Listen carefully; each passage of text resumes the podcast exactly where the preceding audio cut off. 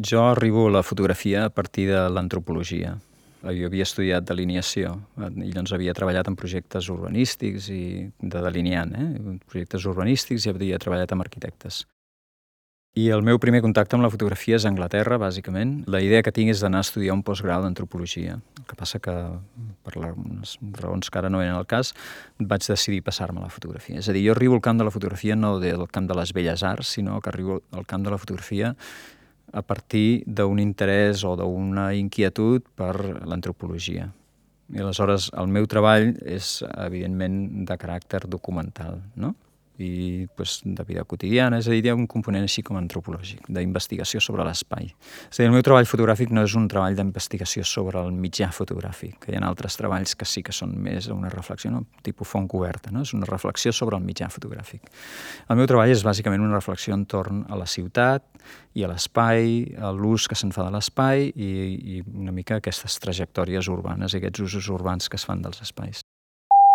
Jo estudio fotografia començo de zero a Anglaterra. Aleshores, les meves diguem, primeres vinculacions no tenen res a veure amb la fotografia espanyola. I aleshores, els referents meus, evidentment, és doncs, la fotografia documental que es feia a Newport quan jo estudiava allà, que era més de reportatge social, eh, vull dir, les ambicions d'aquella escola era gent que treballés amb Magnum, que treballés amb amb revistes que fessin el, el típic reportatge social. I la fotografia documental entesa en un sentit molt més ampli, que ja té més vinculacions i solapaments amb pràctiques artístiques, no formava part, diguem-ne, del, del programa educatiu d'allà.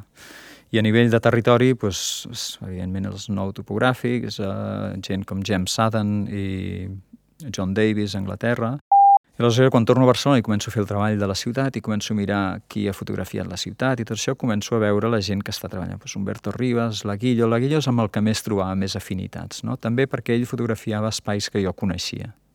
Espais on aquella anècdota de la, de la foguera de Sant Joan, ell té una fotografia del lloc on fèiem la foguera de Sant Joan. I aquí hi havia aquesta afinitat.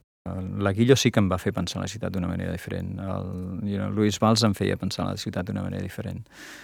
Uh, fins i tot Jean-Marc Bustamante, que està dins una mica d'aquesta onda de la nova objectivitat, sí que jo veia que allà hi havia alguna que a mi em servia.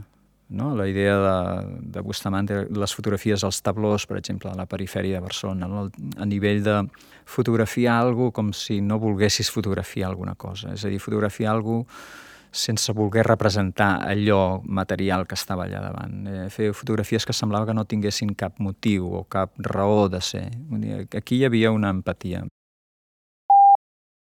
El procés d'edició del material fotogràfic, és a dir, de la selecció de les imatges que acaben formant part de l'obra, eh, separades de totes les altres imatges que has fet en un projecte, és bastant orgànic, vull dir, a mesura que estàs treballant vas definint què és el projecte, quins són els elements importants del projecte, o de la idea o de, del missatge que vols transmetre i a partir d'aquests elements doncs, diguem-ne que el procés d'edició és bastant senzill. Moltes vegades tenim problemes d'editar imatges quan no sabem massa què és el que volem acabar dient, no?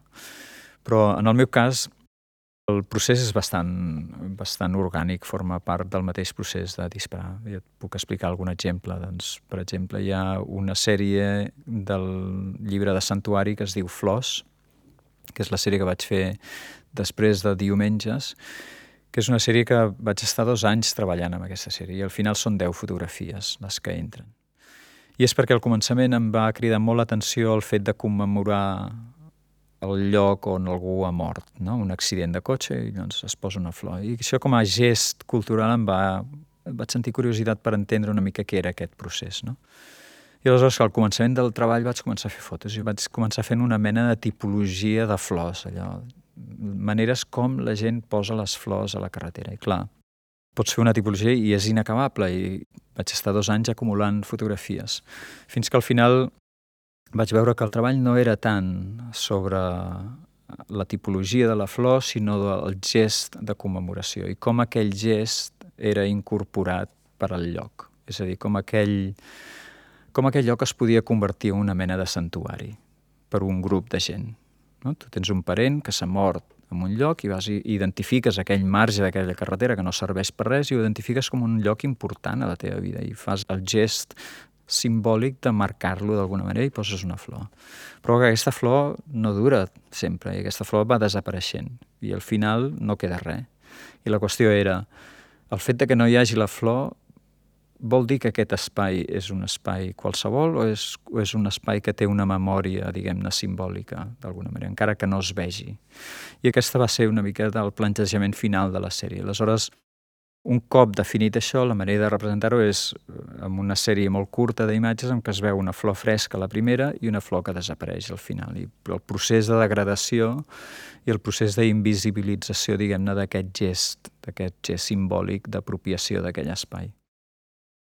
Clar, de les altres 300 fotografies que tenia de les flors, doncs allò no serveix per res, perquè... I aleshores, doncs, en el cas el tema de l'arxiu, què fas amb aquell material? Jo ho tinc molt clar, per mi són les 10 fotos són les importants i estan separades i estan en una caixa diferent i les altres estan allà i no sé.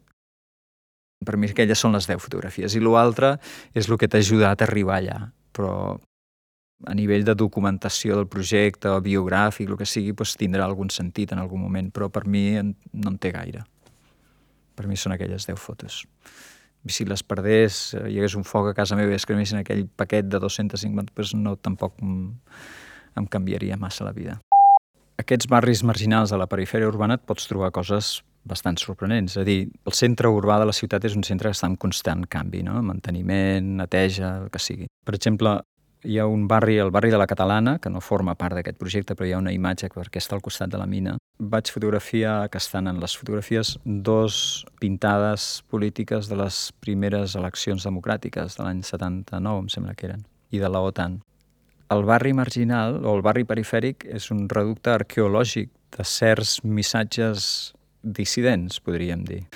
La dissidència és molt poc manifesta en el centre urbà perquè el manteniment diguem-ne, que elimina tots aquests gestos dissidents. Però als barris de la perifèria et pots trobar amb coses d'aquestes, no? amb reductes arqueològics de partits polítics que ja no existeixen, del PSUC, per exemple. No?